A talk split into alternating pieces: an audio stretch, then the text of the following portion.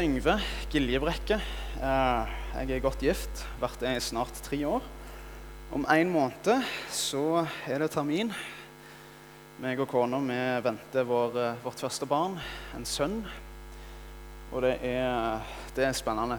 Det er unikt. Eh, Til vanlig så jobber jeg som lokomotivfører i NSB. Det er en fantastisk jobb. Men hvis du eh, liker struktur i arbeidsdagen, så er det ikke for deg. Det finnes ikke i denne jobben der. I det hele tatt. Og det passer meg, for jeg er ikke så veldig struktu- strukturert. Bare spør kona. Um, I dag så skal jeg snakke om et tema. Det er um, noe jeg har tenkt på lenge. Uh, og når jeg, når jeg på en måte får et, et taleoppdrag, uh, så vil jeg gå og fundere veldig lenge hva jeg skal snakke om. Ehm, og Denne gangen så, så var det en ting som lå meg hardt på hjertet. Det lå meg tungt på hjertet. Og jeg prøvde på en måte å tenke er det virkelig dette her? Jeg ba om det og ba over det. og eh, fikk det virkelig for meg at dette vil Gud at jeg skal snakke om. Og det er et vanskelig tema. Det er et vanskelig tema fordi at det, det er fort gjort å misforstå det som jeg skal snakke om. Det er litt teologisk eh, tungt, kan du si. Eh, og bare sånn for å ta den introduksjonen. For ti år siden så gikk jeg på Tryggheim. Vi var eh, en gjeng, meg og mine to næreste kompiser, Thomas Jonsrud og, og Pøl Reidar OD. Vi var fascinert av teologi. Vi skurte gjennom bøker, vi skurte gjennom bibelseminarer, vi hørte på, på taler på internett. Det var en periode der i løpet av den tryggheimstida hvor det eneste vi snakket om, det var teologi. Og i løpet av de ti åra som har gått nå, så, så har jeg bare blitt mer og mer fordypt i det. Eh, satt meg inn i Jehovas vitner, den romersk-katolske kirke, mormonerkirken, hva de står for, hva deres doktriner er, noe som vi skal komme tilbake til. Og jeg har fått en enorm fascinasjon for dette her med å lære å kjenne Jesus for den han er, men òg å lære å kjenne de som eh, går på tvers av Bibelen, sånn som Jehovas vitner. Når vi bodde i Oslo, så eh, sendte jeg en mail til hovedkontoret til Jehovas vitner og sa at jeg ville gjerne snakke med dem. skulle jeg kanskje ikke gjort, fordi jeg fikk jo ustanselig besøk av dem etterpå. Men jeg lærte mye. Det gjorde jeg. Og vi satt, meg og en annen kompis satt i stua hjemme da, og tror vi satt i tre-fire timer og diskuterte og snakket om evangeliet. Det var utrolig vanskelig, men utrolig kjekt å på en måte liksom få snakke med noen som virkelig tror dette her. Eh, så, så nå vet dere hvor jeg kommer fra, og hva jeg på en måte er fascinert av. Eh, men la oss begynne. Eh, skal vi se. Det er en powerpoint her, hvis du får den opp, Eirik. Der, ja. Fantastisk. Først av alt, det jeg skal snakke om i dag, det er noe som heter synergisme og monargisme.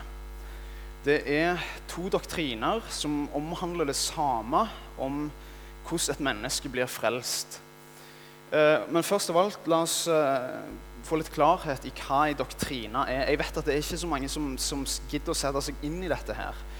Eh, men, så derfor må jeg på en måte ta meg tid til å forklare. En doktrine det er altså en læresetning, ideologisk.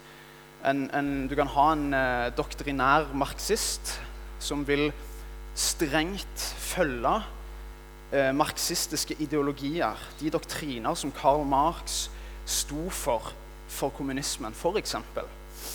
Eh, og en læresetning, eh, vel, det har vi mye av i Bibelen.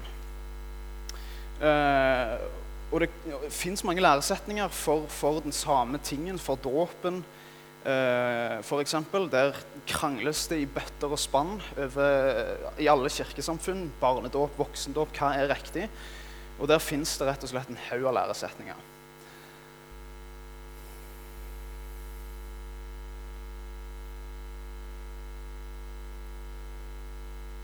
Ja. Trykker jeg feil, eller?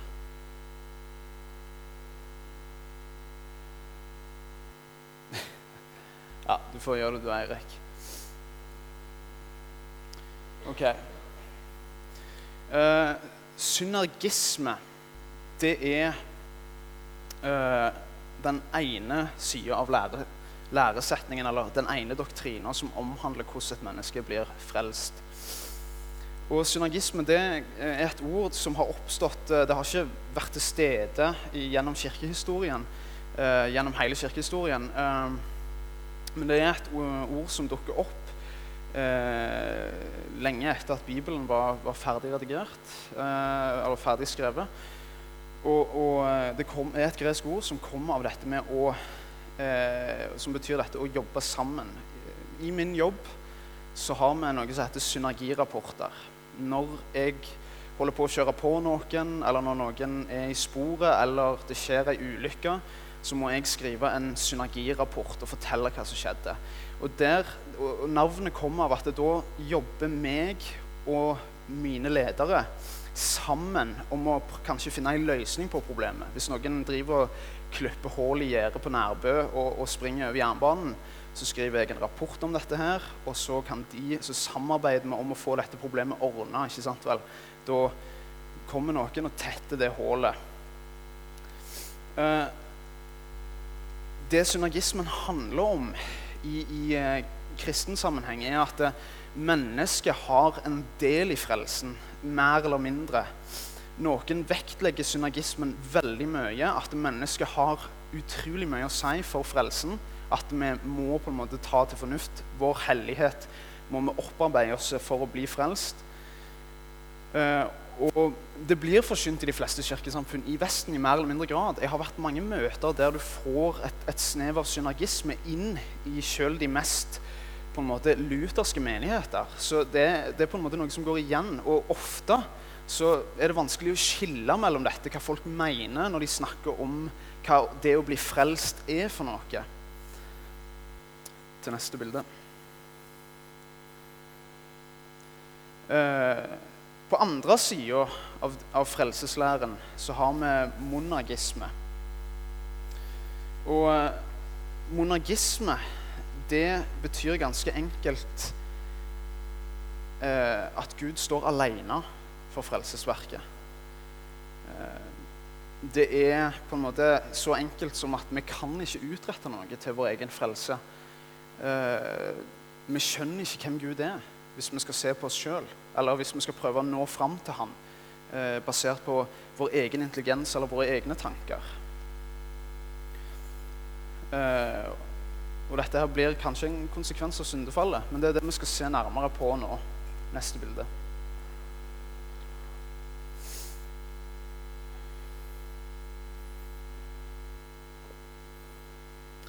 Det som vi først av alt må se litt på før vi går løs på bibelverset jeg har, jeg har utrolig mye bibelvers, så hold ut med meg.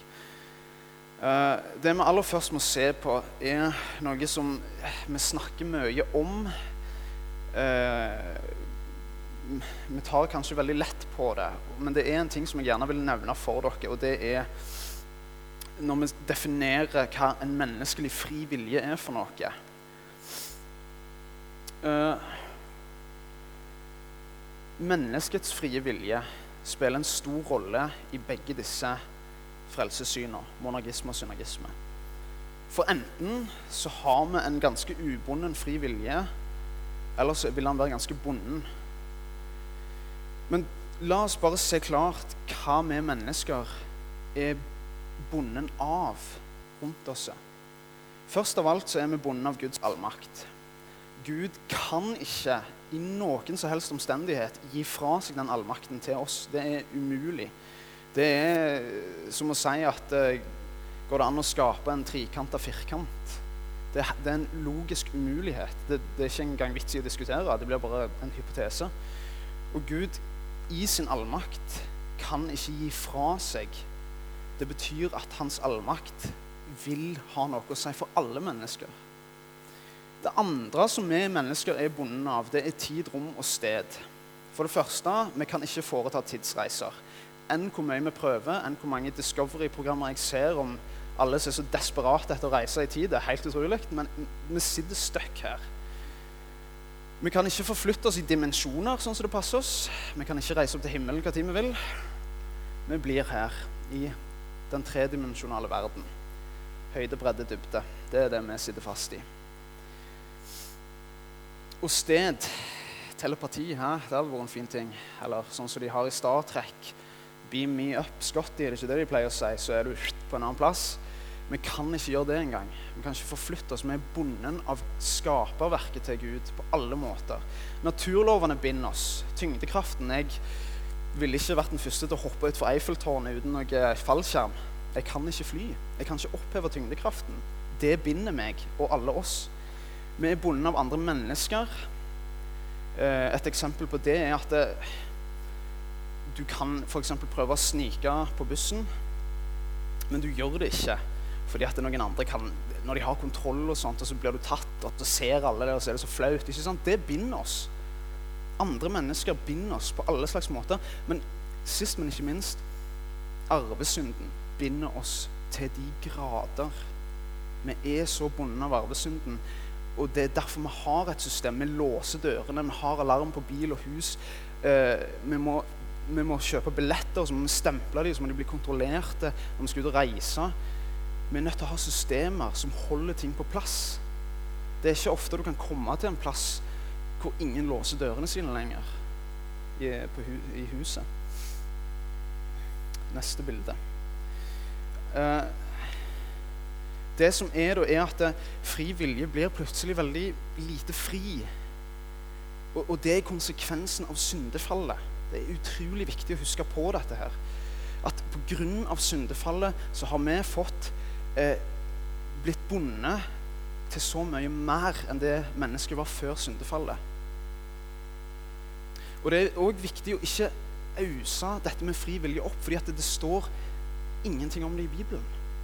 Det står i 5. Mosebok 23, 23 at, Gud, eh, at det, står at du skal ikke gi Herren et løfte av din frie vilje. Definisjonen av den frie viljen som nevnes der, er gitt i betraktning av at vi sitter fast i dette arvesyndelige verdenen som vi bor i. ikke sant vel?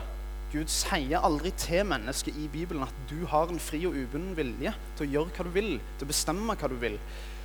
Men Gud sier at den fri viljen du har, er mellommenneskelig mer enn han er opp til Gud. Og her er det nøye altså her, her skal jeg forklare dette nøye mer. Uh, I Isaiah 43, 9-13 så erklærer Gud ganske sterkt, ganske tydelig, hvem han er. Og La oss lese det. La alle folkeslag komme sammen, og folkene samle seg. Hvem av dem kan kunngjøre slikt og fortelle oss det som før har hendt? La dem føre fram vitner, så de kan få rett. La dem høre det og si det er sant. Men dere er mine vitner, sier Herren, min tjener som jeg har utvalgt, for at dere skal kjenne meg og tro på meg og innse at jeg er Gud. Før meg er ingen Gud blitt til, og etter meg skal ingen komme. Jeg, ja, jeg alene er Herren, for uten meg er det ingen frelser. Det er jeg som har forutsagt dette, har brakt frelse og gjort det kjent.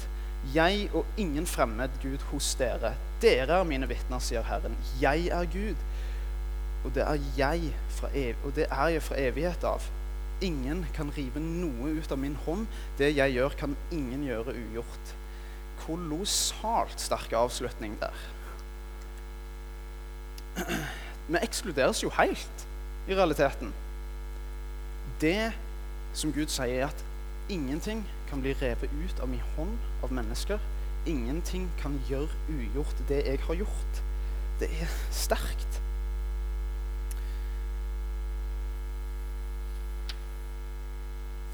Um, ta neste bilde, du. Vi må se nærmere på en ting uh, som er utrolig viktig.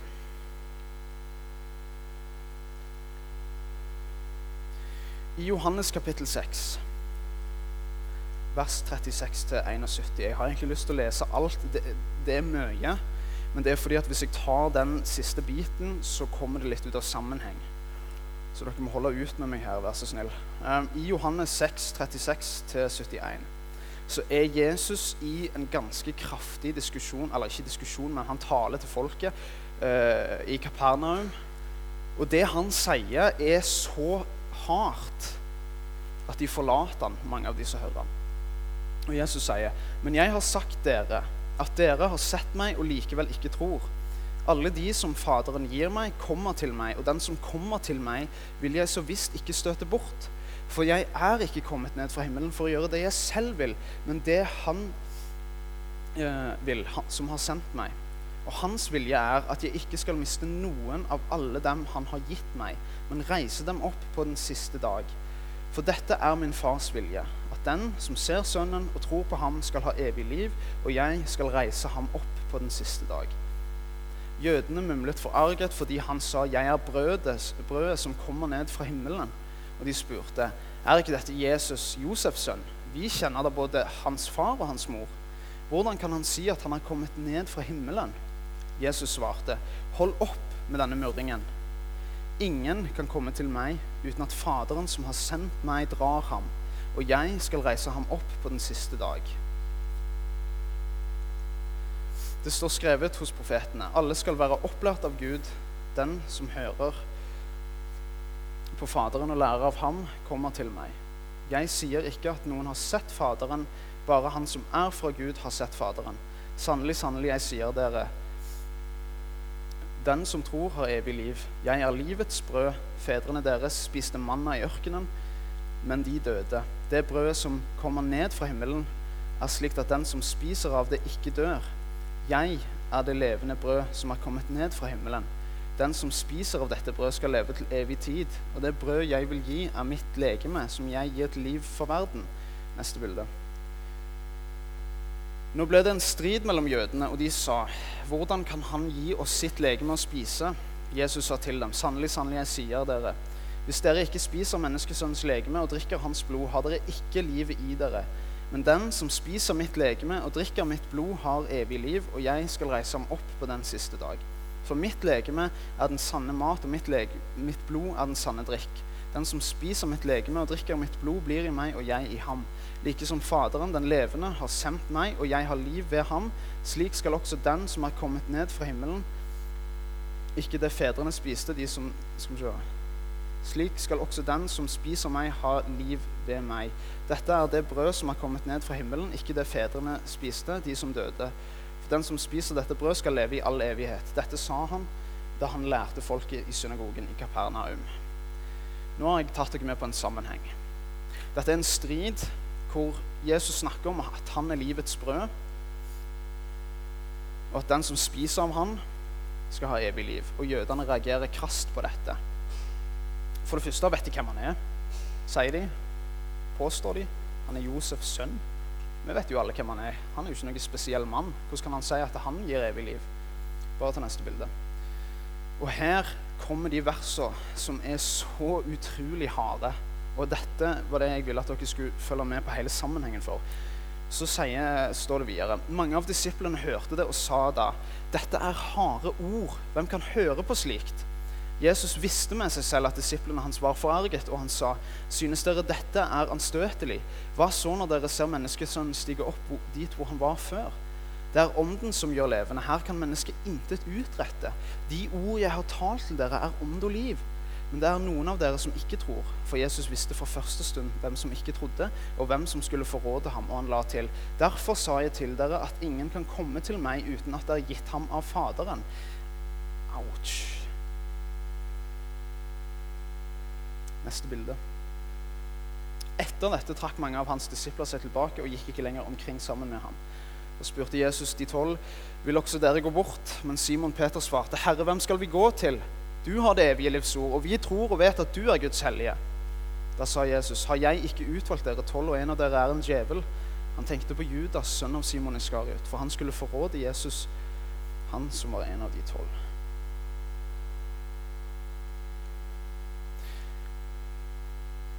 Er dere klar over hva han sier? Vår frelser, han som er grunnleggeren av kristendommen. Han sier at ingen kan komme til han uten at Faderen gir det til han å komme til han. Og folk blir forarga. Folk blir forarga. Folk går fra han pga. det.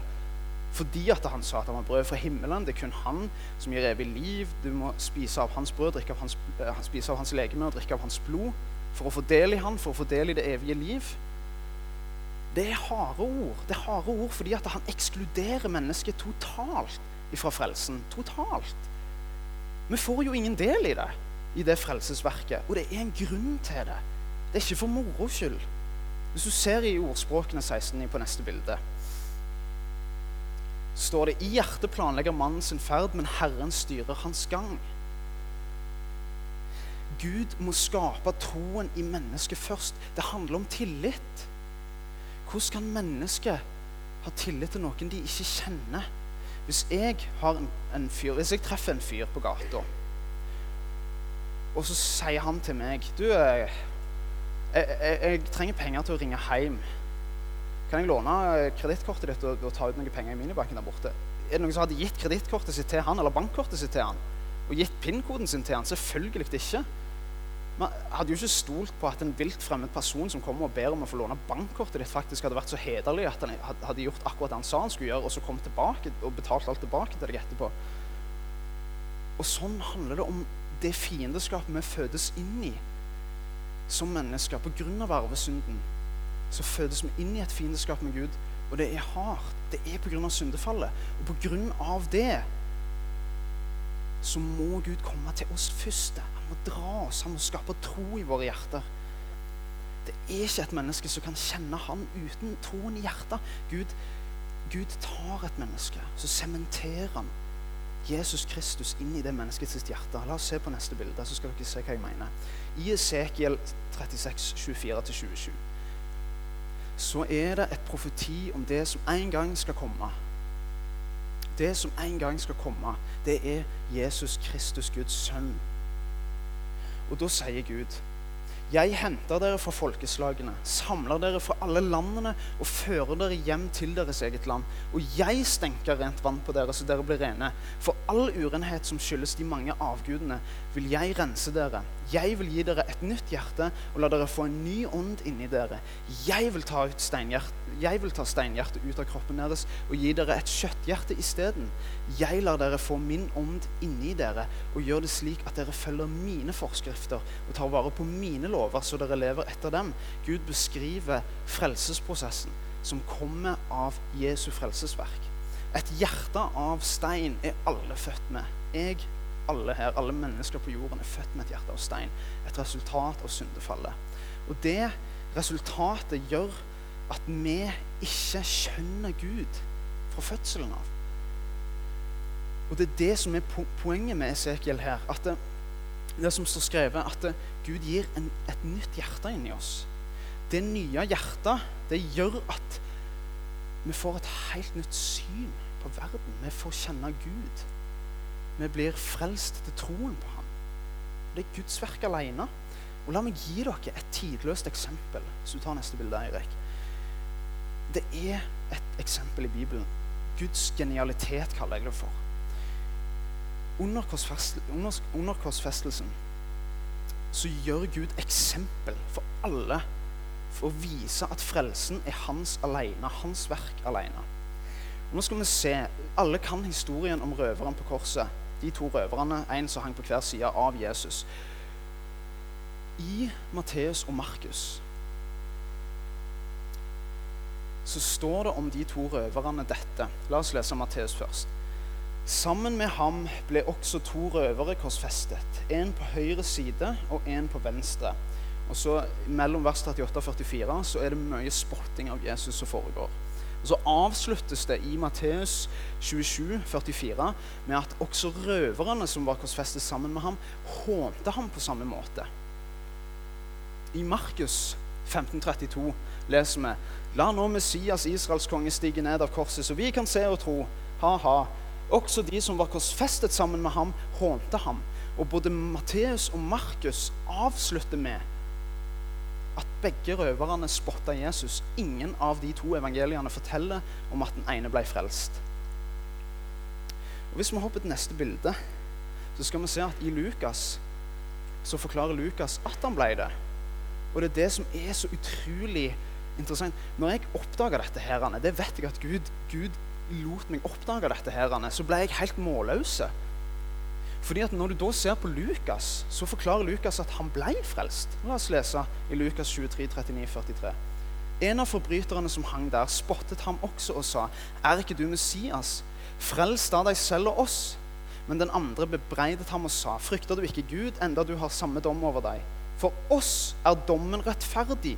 Vi får bare igjen for det vi har gjort. Men han har ikke gjort noe galt. Og han sa, 'Jesus, husk på meg når du kommer i ditt rike.' Jesus svarte, 'Sannelig, jeg sier deg, i dag skal du være med meg i paradis.' Den eneste som fikk garanti til at han skulle til himmelen, det var han gjennom hele Nye testamentet. På den måten så direkte. Hva skjedde mellom Matteus, Markus og Lukas? Er det motsetning i Bibelen? Er det feil i Bibelen? Nei.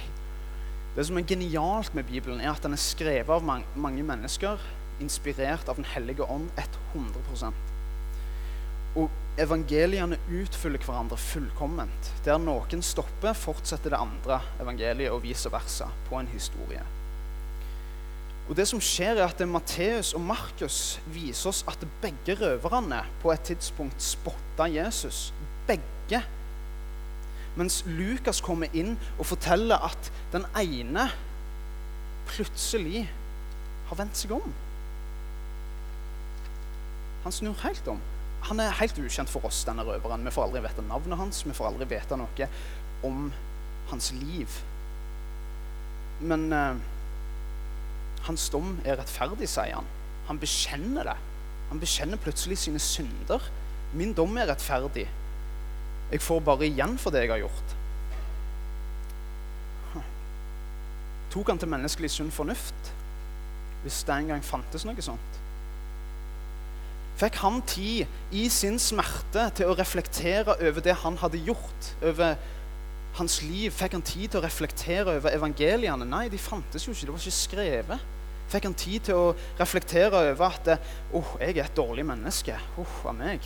Men der henger Guds sønn og Faderen tømmer sin vrede på ham nå, sånn at jeg skal unnslippe. Han hang der i smerte, han var døden nær. Hvordan i all verden kommer det til at han faktisk plutselig vender seg om? Det er ganske sterkt. Var han dummere enn oss som lever i dag, i 2012? Så han trengte Guds hjelp ekstra mye for å bli omvendt? Nei. Han hadde ikke engang hørt evangeliet forsynt der han hang. Men det er Gud som frelste han i kraft av Jesu frelsesverk. Han ble et offer for Guds nåde. Og det er sånn som vi ser på neste bilde her. Efeserne 2, 8-10. For av nåde er dere frelst ved tro. Det er ikke deres eget verk, men Guds gave. Det hviler ikke på gjerninger for at ingen skal rose seg. For vi er Hans verk. Vi er Hans verk skapt i Kristus Jesus til gode gjerninger som Gud på forhånd har lagt ferdige for at vi skulle gå inn i dem.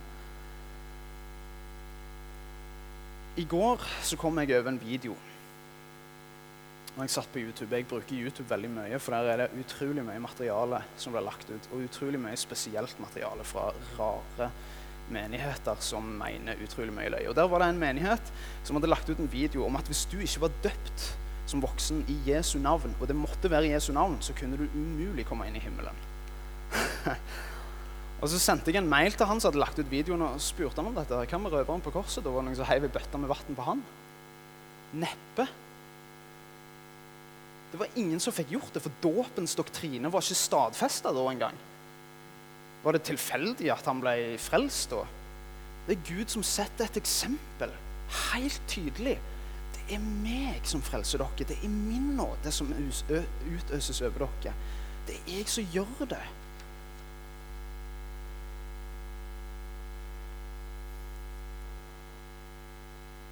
Hvis vi ser i, i, på neste bilde, i første kor, første korinterbrev, eh, så sier Paulus det ganske tydelig her. Det er ganske krast, dette her òg. Og om dette taler vi, ikke med ord som menneskelig visdom har lært oss, men med ord vi har lært av Ånden. For det som hører Ånden til, tolker vi med ord som hører Ånden til. Men slik et menneske er i seg selv, tar det ikke imot det som hører Guds ånd til. For ham er det uforstand, og han kan ikke fatte det. Det kan bare bedømmes på åndelig vis. Merk dere det en gang til. Men slik et menneske er i seg selv, det er et hjerte av stein. Det er arvesynden. Kan det eh, Tar det ikke imot det som hører Guds ånd til. For ham er det uforstand, og han kan ikke fatte det. Så Det Paulus egentlig sier ganske konkret, det er at et menneske født slik, slik det er født, vil aldri forstå verken hvem Gud er, hva meninga med korset er, at vi er frelst av bare nåde. Og det er her det er så viktig å se. Når jeg nå har forklart dere hva Bibelen sier sånn så jeg, jeg, kan sitere C.S. Lewis. Han sa det at jeg ble dratt inn i kristendommen med ryggen til det. Det er ganske sterke ord av han. Og Han beskriver en, en, omvendelse hos seg som egentlig var mot hans fornuft, hans menneskelige medfødte fornuft. Hans steinhjerte ville egentlig vende seg vekk fra Gud fordi at vi skyr Guds hellighet. Og vi skyr, vi skyr det så utrolig. Og vi skyr i tillegg å høre at vi ikke kan være delaktige på noe vis i frelsen. Fordi at vi har så mye stolthet i oss. Vet, når jeg begynte å studere disse tingene, så var jeg rasende. Det tok meg tre-fire år før jeg kunne godta at dette var sant. Fordi jeg, jeg kunne, Det kunne ikke være sånn at Gud skulle gjøre alt. Jeg måtte da ha noe å si. Jeg måtte da kunne komme med noe godhet. Og det var en kamp fordi at det står min stolthet midt imot. Og det er ikke noe Gud gjør for moro skyld. Det er fordi at syndefallet har ledet til at vi ikke kan forstå Gud. Er den ufattelig uendelige revna mellom oss og Faderen som Jesus kom for å tette igjen, kan aldri vi begynne å krysse engang på egen hånd. Synergisme den frelsesforståelsen som går på at du og Gud samarbeider om å bli frelst. At Gud gir deg litt nåde, så kommer du med litt hellighet. Så gir Gud deg mer nåde, så blir du troende. Og så ber du litt, og så plutselig så er du frelst. Og så må du, på en måte arbeide med det hele tida. Jobbe, jobbe, jobbe. jobbe, jobbe, ikke sant?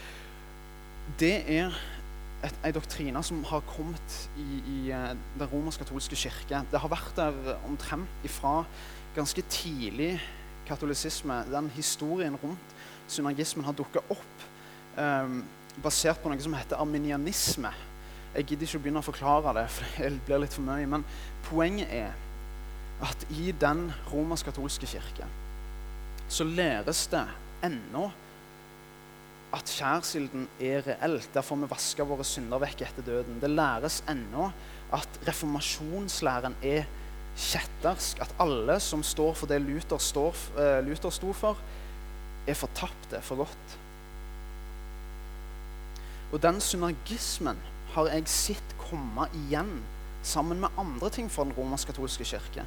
I Vårt Land den 9. januar i år så sto det en tosiders artikkel om hvordan Madonnaen, Maria, statuen, skal komme tilbake til flere menigheter igjen i Norge de ble fjerna under reformasjonen fordi at det, det, ble feil.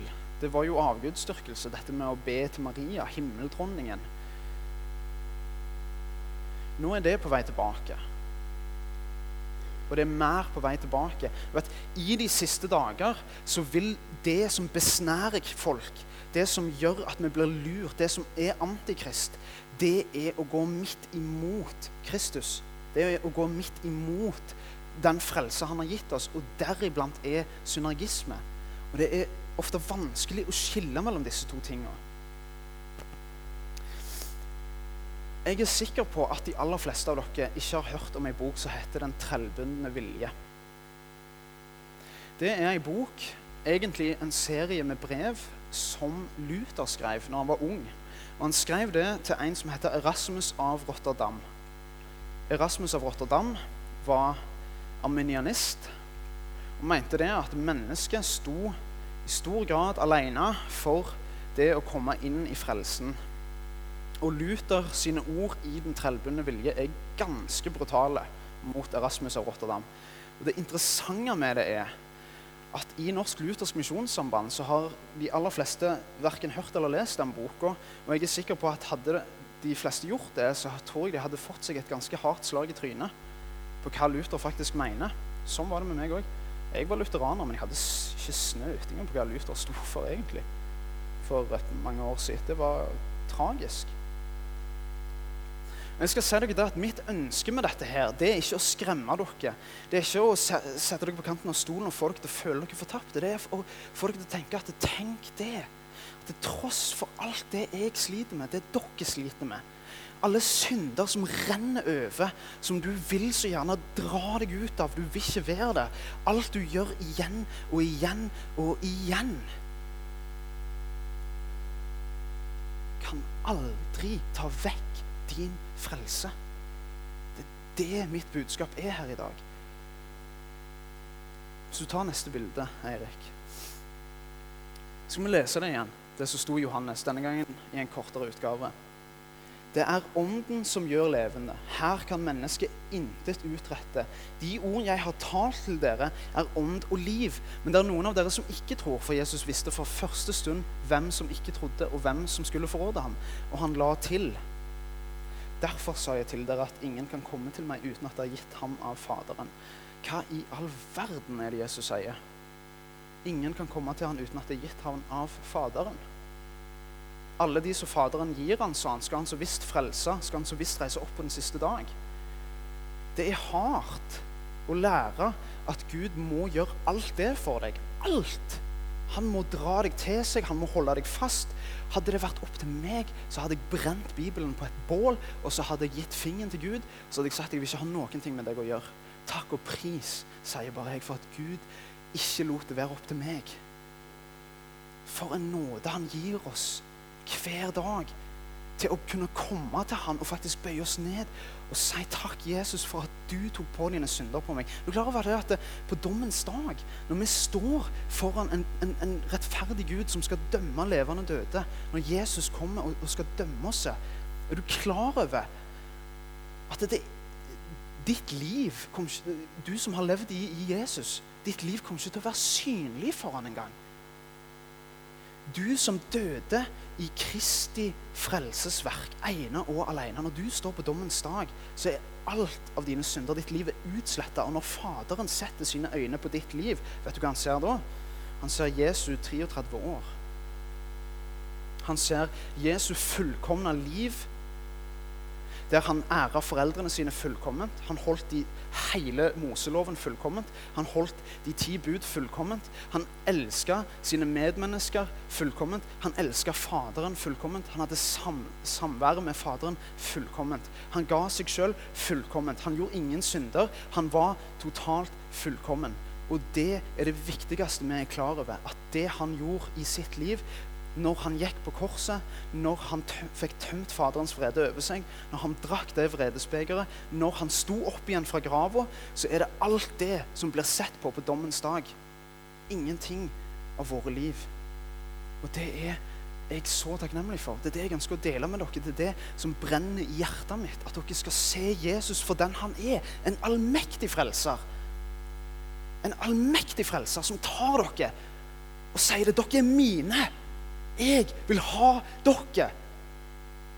Jeg vil frelse dere, og ingen skal rive dere ut av min hånd.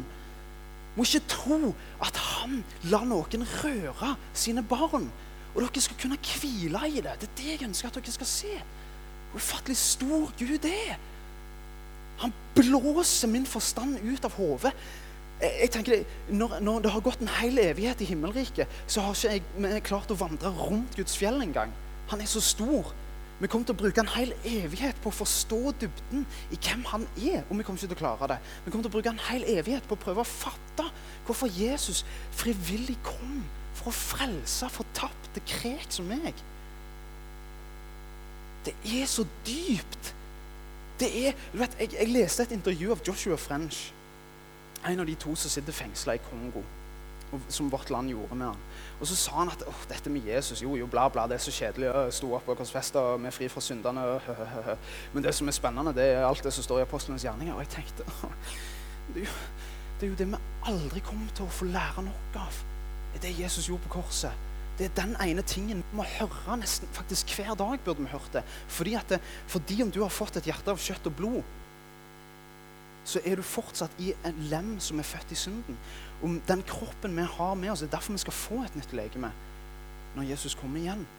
Fordi at dette kjødet det er en del av syndet. Det er derfor vi fortsetter å synde og vil alltid gjøre det etter vi er frelst. Det, er det som er. Vi skal få et nytt legeme. Fordi dette gamle her er igjen i denne verden. Og det er aldri kjedelig. Det er det viktigste av alt. Er korset, er det Jesus har gjort for oss.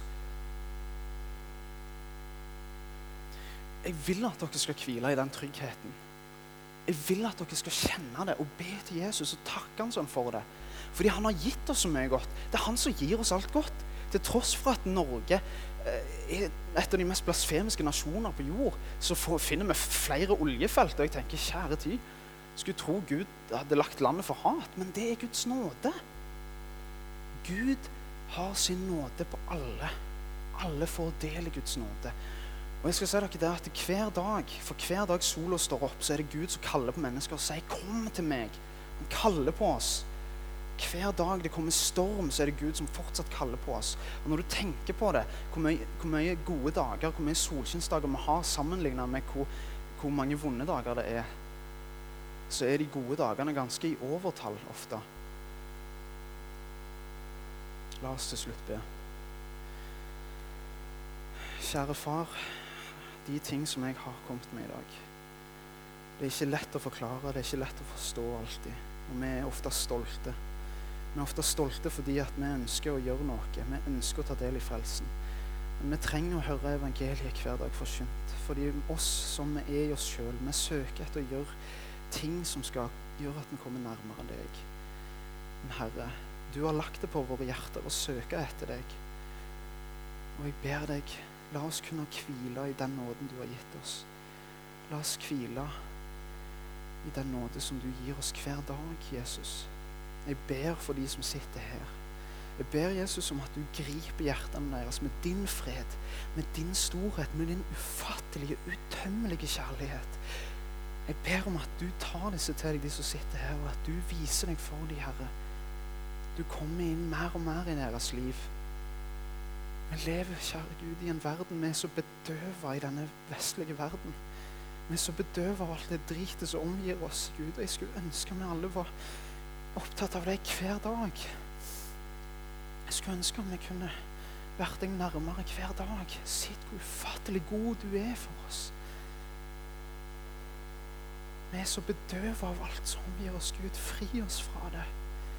Dra oss nær til deg. Jeg ber om at du, Jesus, brennemerker disse menneskene og meg i, ditt, i våre hjerter. Brenn oss med deg, Jesus.